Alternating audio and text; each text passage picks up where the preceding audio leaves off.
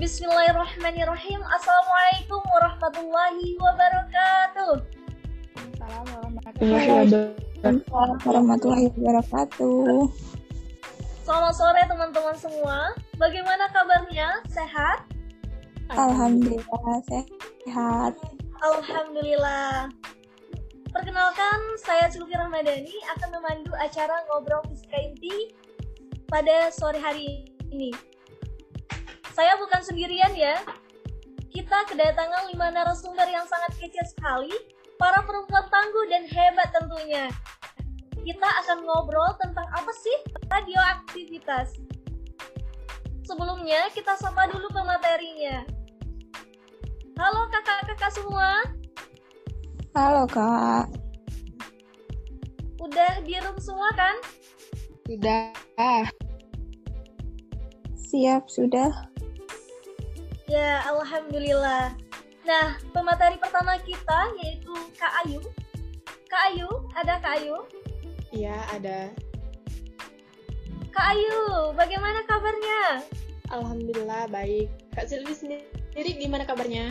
Alhamdulillah sangat baik sekali. Kak Ayu, apa nih kegiatannya selama di rumah? Mencari kesibukan aja sih, soalnya kecuali tugas nggak ada kesibukan lainnya. Wah. Eh, Kak Ayu nggak di rumah ya? Lagi di kosan gitu ya? Iya, lagi di rumah temen. Hmm. Ya udah, kita langsung aja masuk ke materinya Kak Ayu yang akan disampaikan oleh Kak Ayu ya tentang uh, radioaktivitas radionuklida, radioaktif dan peluruhan. Kepada Kak Ayu dipersilakan. Baik, terima kasih Kak Silvi. Assalamualaikum warahmatullahi wabarakatuh. Waalaikumsalam warahmatullahi wabarakatuh. Baiklah, di sini saya akan menjelaskan tentang radioaktivitas, radionuklida, radioaktif, dan peluruhan. Apa sih pengertian dari keempat materi tersebut? Kita bahas satu persatu. Yang pertama, radioaktivitas.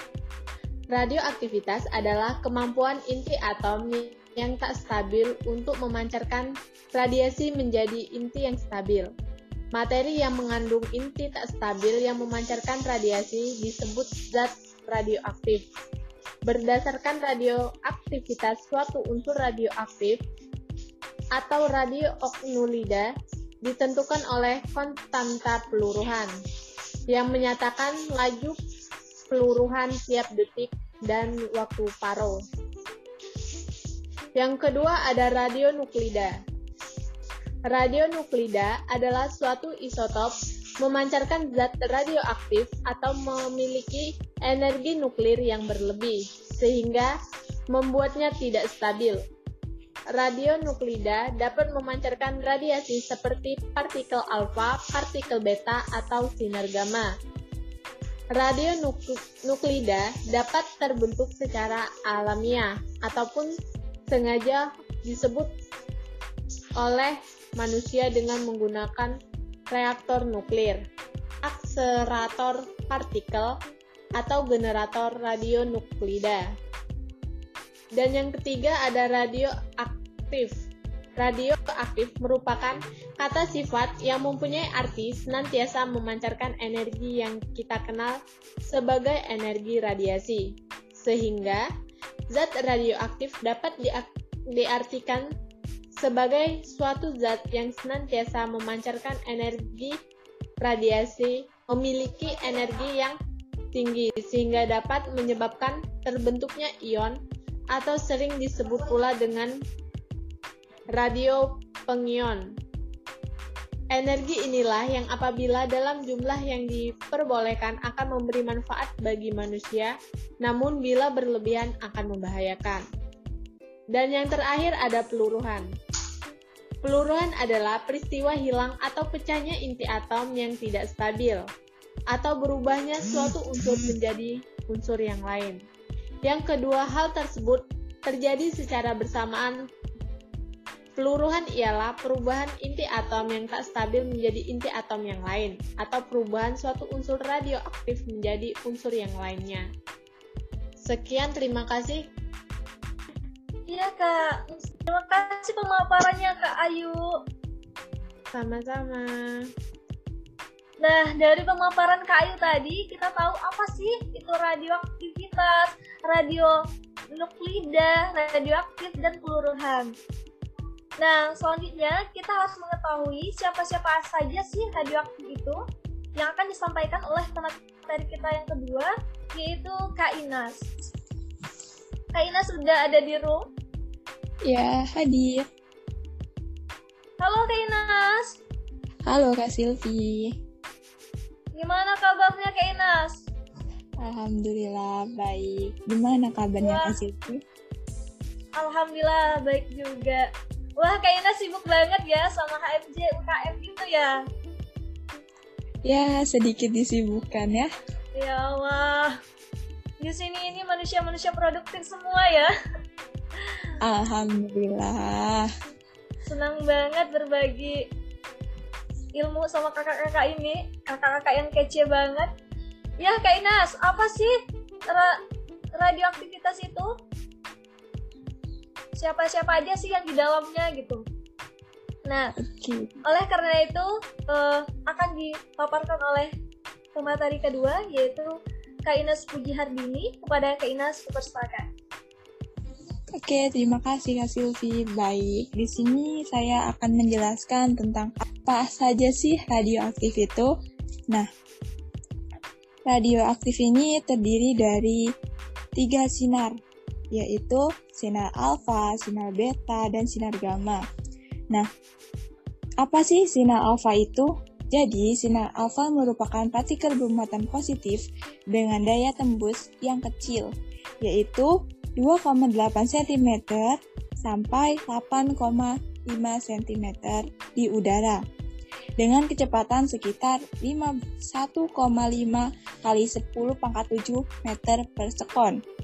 Elemen yang mengalami radiasi alfa adalah nomor massa yang akan berkurang 4 dan nomor atomnya berkurang 2 sehingga radiasi ini disamakan dengan pembentukan inti helium. Nah, selanjutnya yaitu sinar beta. Nah, sinar beta ini merupakan partikel bermuatan negatif yang tembus se- 100 kali lebih besar dari sinar alfa dan memiliki massa sebesar 5,5 kali 10 pangkat min 4 yaitu satuan massa atom kecepatan radiasi sinar beta ini mendekati kecepatan cahaya elemennya yang mengalami radiasi beta adalah nomor atom akan bertambah satu, sedangkan nomor massanya akan tetap. Sehingga radiasi beta disamakan dengan pemancaran elektron dari suatu inti atom. Nah, selanjutnya yaitu sinar gamma. Jadi, sinar gamma merupakan gelombang elektromagnetik yang bersinergi tinggi dengan panjang gelombang pendek dan daya tembusnya 10.000 kali sinar alfa. Sinar ini tidak bisa tidak bermuatan dan tidak bermassa. Nah, adapun karakteristik dan sifat-sifat dari sinar sinar ini adalah yang pertama yaitu sinar alfa. Sinar alfa memiliki kata karakteristik yang pertama yaitu terdiri dari inti helium 2 proton, 2 neutron, massa 4, dan bermuatan positif 2. Nah, yang kedua yaitu bermuatan listrik positif. Nah, yang ketiga dibelokkan oleh medan magnet maupun medan listrik. Nah, daya tembus relatifnya kecil, daya insonasinya sangat besar, dan tidak mampu menembus lembar kertas.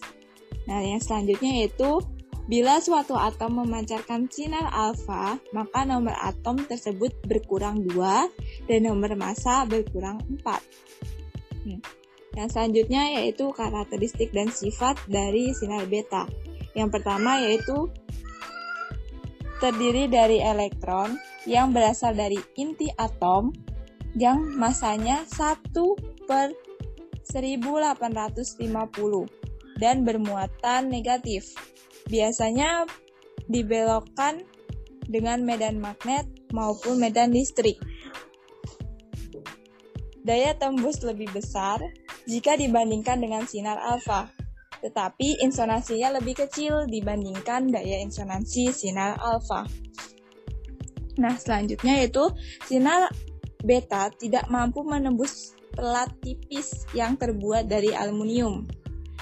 Tapi, bila suatu atom memancarkan sinar beta, maka atom tersebut bertambah satu dan nomor masanya tetap. Nah, selanjutnya yaitu sinar gamma. Karakteristik dari sinar gamma ini yang pertama yaitu sinar ini berupa gelombang elektromagnetik yang disebut dengan foton. Tidak bisa tidak memiliki muatan listrik, tidak memiliki massa, tidak bisa dibelokkan oleh medan magnet dan medan listrik, daya tembusnya sangat besar dan sebaliknya daya insonasinya sangat kecil.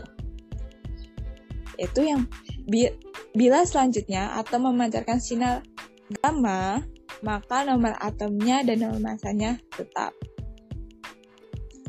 Nah, sekian yang dapat saya sampaikan.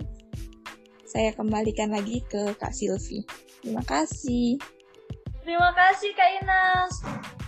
Dari sekian pemaparan Kak Inas tadi, kita tahu siapa-siapa aja sih yang yang ada di radioaktif itu. Nah, ada sinar alfa, sinar beta, dan sinar gamma ya Kak Inas. Iya, benar banget. Hmm, makasih ya Kak Inas pemaparannya. Nah, selanjutnya iya, kita sama. masuk.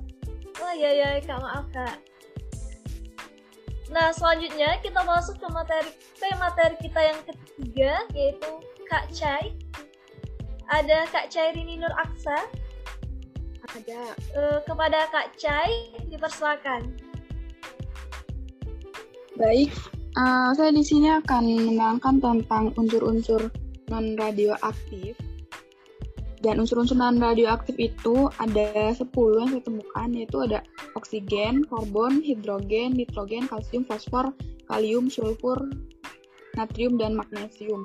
Dan uh, jika kita berbicara tentang perbandingan proton dan neutronnya, uh, oksigen, oksigen itu memiliki proton 8, neutron 8 dengan nomor nomor masanya 16, nomor atomnya 16. Lalu karbon itu memiliki proton 6, neutron 6 dengan nomor massa 12, nomor atomnya 16. Jadi perbandingannya 6 banding 6. Kalau hidrogen perbandingannya 1 banding 0, nitrogen perbandingannya 7 banding 7 kalsium perbandingannya 20 banding 20, fosfor perbandingannya 15 dibanding 60, kalium perbandingannya 19 banding 20, sulfur perbandingannya 16 banding 16, sodium perbandingannya 11 banding 12, lalu yang terakhir magnesium perbandingannya 12 banding 12 dan jika ditanya unsur mana yang stabil, uh, unsur yang stabil itu jika nomor atomnya di bawah 20, maka bisa dikatakan stabil jika proton dengan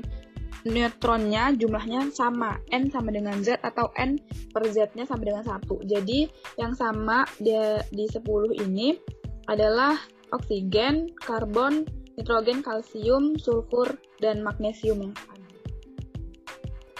Itu Kak Silvi. Wah, makasih Kak. Terus perbandingan antara kakak sama aku nggak ada ya? Bandingannya kamu lebih kece.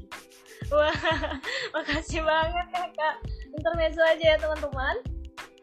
Nah, dari situ kita udah tahu perbandingannya antara proton, neutron, ataupun unsur-unsur non radioaktif. Selanjutnya kita masuk ke pemateri yang keempat, Kak Nia. Ada Kak Nia Nur Hasanah? Halo Kak Silvi. Halo Kak Nia, wah semangat banget. Pasti dong. Habis sarapan ya Kak? Eh sarapan makan gitu makan sore?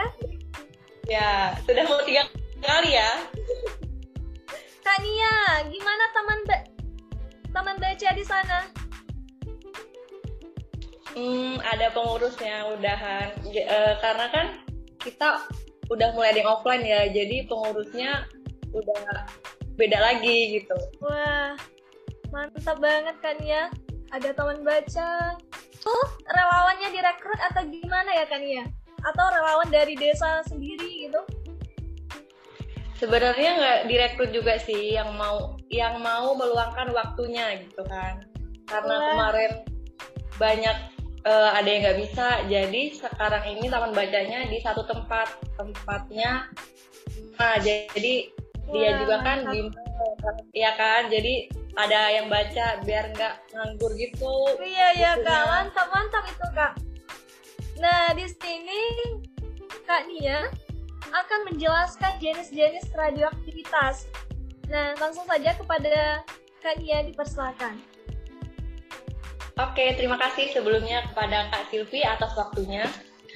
Radioaktivitas ada dua, ada alam dan buatan. Di dalam radioaktivitas alam, ada yang berasal dari alam dan ada juga yang berasal dari radiasi kosmik. Kalau radioaktivitas buatan dipancarkan oleh radioisotop yang sengaja dibuat oleh manusia dan berbagai jenis radionuklida dibuat sesuai dengan penggunaannya. Radio radioaktivitas alam terbagi lagi menjadi dua. Ada radioaktivitas primordial. Pada litosfer banyak terdapat inti radioaktif yang sudah ada bersamaan dengan terjadinya bumi, yang secara luas yang disebut radionuklida. Radionuklida alam banyak terkandung dalam berbagai macam materi dalam lingkungannya, misalnya dalam air, tumbuhan, kayu, bebatuan, dan bahan bangunan. Radionuklida primordial dapat ditemukan juga loh di dalam tubuh manusia, terutama pada radioisotop yang terkandung dalam kalium alam. Yang kedua ada radioaktivitas yang berasal dari radiasi kosmik. Pada saat radiasi kosmik masuk ke dalam atmosfer bumi, terjadi interaksi dengan inti atom yang ada di udara lalu menghasilkan berbagai macam radionuklida. Ternyata yang paling banyak dihasilkan adalah H-3 dan C-14. Kecepatan perubahan dan kecepatan pembentukan radionuklida seimbang, sehingga secara teoritis jumlahnya di dalam alam adalah tetap. Berdasarkan fenomena tersebut, maka dengan mengukur kelimpahan C-14 yang ada dalam suatu benda, kita dapat menentukan umur dari benda tersebut dan metode penentuan umur ini dinamakan dalam penanggalan karbon atau carbon dating. Yang kedua ada radioaktivitas buatan. Radioaktivitas buatan juga terbagi lagi menjadi lima. Yang pertama ada radioaktivitas yang berhubungan dengan pembangkit listrik tenaga nuklir. Energi yang dihasilkan oleh proses puruhan dapat digunakan sebagai pembangkit listrik tenaga nuklir. Dalam, instas, dalam instalasi pembangkit listrik tenaga nuklir, faktor keselamatan radiasi menjadi prioritas yang paling utama. Dan dengan berkembangnya teknologi pembangkit listrik tenaga nuklir ini, maka ketingkatan keselamatan radiasinya pun semakin tinggi. Yang kedua ada radioaktivitas akibat percobaan senjata nuklir. Radioaktivitas yang berasal dari jatuhan radioaktif akibat percobaan senjata nuklir disebut fallout. Tingkat radioaktivitas dari fallout yang paling tinggi terjadi pada tahun 1963 dan setelah itu jumlahnya terus menurun. Hal itu disebabkan pada tahun 1962 Amerika dan Rusia mengakhiri percobaan senjata nuklir di udara. Yang ketiga ada radioaktivitas dalam kedokteran. Radioaktivitas yang berasal dari radioisotop dalam bidang kedokteran digunakan untuk diagnosis, terapi, dan, ste- dan sterilisasi alat kedokteran. Yang keempat ada radioaktivitas dalam rekayasa teknologi. Penggunaan radio penggunaan radiasi dalam bidang pengukuran atau jauging, analisis struktur materi, pengembangan bahan-bahan baru, dan se- dan sebagai sumber energi dibahas dalam pokok bahasan penggunaan radiasi dalam rekayasa teknologi. Yang terakhir nih ada radio ada radioaktivitas dalam bidang pertanian. Penggunaannya dalam bioteknologi, pembasmi serangga atau penyimpanan bahan pangan dan teknologi pelestarian lingkungan dibahas dalam pokok bahasan penggunaan ra- radiasi dalam produksi pertanian, kehutanan dan kelautan. Sekian, terima kasih. Saya kembalikan kepada Kak Silvi.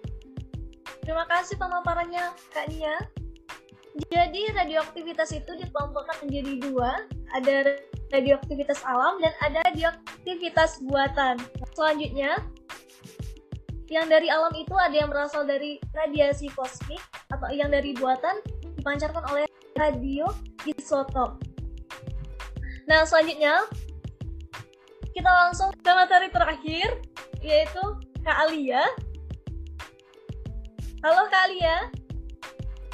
Hai, Gimana kabarnya Kak Alia? baik, Alhamdulillah sehat walafiat. Nah, Kak Alia ini pemateri kita yang sangat kece badai. Nah, di tengah kesibukan kuliah, dia juga penulis buku. Iya kan Kak Alia? Eh, ya ya, alhamdulillah. Alhamdulillah. Udah berapa buku Kak Alia? Berapa ya? Waduh. Eh, kalau buku solo satu, buku antologi satu. Yang udah selesai juga ada ada satu tapi nggak dipublikasikan.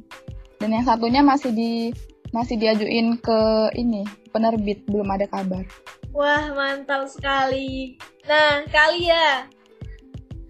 Kalia di sini membahas bahaya dan manfaat radioaktivitas. Kepada Kalia dipersilakan. Oke, terima kasih kepada Kak Silvi yang telah memperkenalkan saya berbicara di pada kesempatan ini. Uh, baik, kalau kita berbicara tentang radioaktif, itu benar-benar uh, materi yang menarik ya, menarik dan luar biasa. Tapi di balik luar biasaan si radioaktif itu, radioaktif juga memiliki beberapa bahaya. Gak beberapa sih ya, banyak kalau kita mengetahuinya lebih banyak, lebih dalam. Dan topik bahaya ini menurut saya topik yang sangat krusial untuk dibahas karena bahayanya tuh tidak main-main bisa berakibat fatal jika kita tidak mengetahuinya sebelum sebelum kita mencoba bermain dengan radioaktif itu. Uh, seperti yang telah kita ketahui, seperti yang kita udah dengar pada narasumber-narasumber yang terdahulu juga bahwa radiasi, radiasi itu ketika bertabrakan dengan molekul di udara maka uh, dia akan mengeluarkan elektron itu dan dapat membentuk partikel yang bermuatan disebut ion. Nah, ini berarti radiasi yang bertanggung jawab untuk mengionisasi molekul.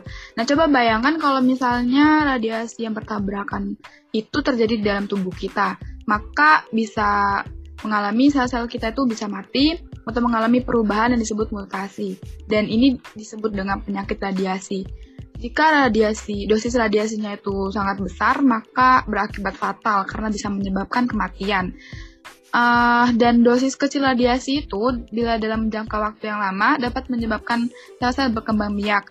Namun sel-sel ini bermutasi. Beberapa waktu kemudian kanker dapat terjadi. Itu kalau dalam dosis kecilnya ya, dalam dosis kecilnya aja kita bisa menyebabkan kanker. Bagaimana dengan dosis radioaktif yang sangat besar? Pasti bukan suatu hal yang tidak mungkin lagi kalau bisa menyebabkan kematian. Ini adalah bahaya yang terjadi jika mengenai tubuh kita. Lalu bagaimana efeknya ketika mengenai lingkungan? Nah, di lingkungan itu, uh, kalau terjadi di lingkungan akan menyebabkan pencemaran zat radioaktif karena disebabkan oleh debu radioaktif itu akibat terjadinya ledakan reaktor-reaktor atom serta bom atom dan bisa menyebabkan banyaknya limbah. Limbah radioaktif ya. Limbah radioaktif itu adalah bahan serta peralatan yang telah terkena zat radioaktif atau menjadi radioaktif karena pengoperasian instalasi nuklir yang tidak dapat digunakan lagi. Nah, yang paling berbahaya dari pencemaran radioaktif ini seperti nuklir adalah radiasi alfa, radiasi sinar alfa, beta, gamma yang sangat membahayakan makhluk hidup di sekitarnya. Uh, zat radioaktif pencemar lingkungan yang biasa ditemukan adalah 90 SR yang bisa menyebabkan kanker tulang. Apabila ada makhluk hidup yang terkena radiasi atom nuklir yang berbahaya, biasanya akan terjadi mutasi gen karena terjadi perubahan struktur zat serta pola reaksi kimia yang merusak sel-sel tubuh makhluk hidup, baik tumbuh-tumbuhan maupun hewan atau binatang, tak terkecuali manusia ya. Uh, terlalu efek serta akibat yang ditimbulkan radiasi zat radioaktif jika terkena tubuh kita, tubuh manusia, itu bisa mengalami pusing-pusing, nafsu makan berkurang atau hilang, jadi diare, badan panas atau demam, ban, berat badan turun, bisa menyebabkan kanker darah, atau leukemia, juga bisa meningkatkan denyut jantung atau nadi. Lalu di handphone kita juga terdapat radiasi, oleh karena itu kita harus hati-hati juga menggunakannya karena terdapat beberapa bahaya. Dan bahayanya tuh pertama dapat mengacaukan gelombang otak, menyebabkan sakit kepala, kelelahan, dan hilang memori, lalu menyebabkan kanker otak, kerusakan sel saraf, menurunnya atau bahkan hilangnya konsentrasi, serta dapat merusak sistem kekebalan tubuh. Nah, jadi uh, kita harus berhati-hati di, di kehidupan ini apalagi dengan handphone yang kita gunakan gitu.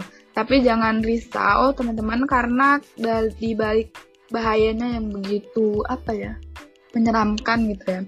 Itu terdapat juga beberapa manfaat. Uh, contohnya di bidang kedokteran itu ada manfaat yang pertama sterilisasi radiasi.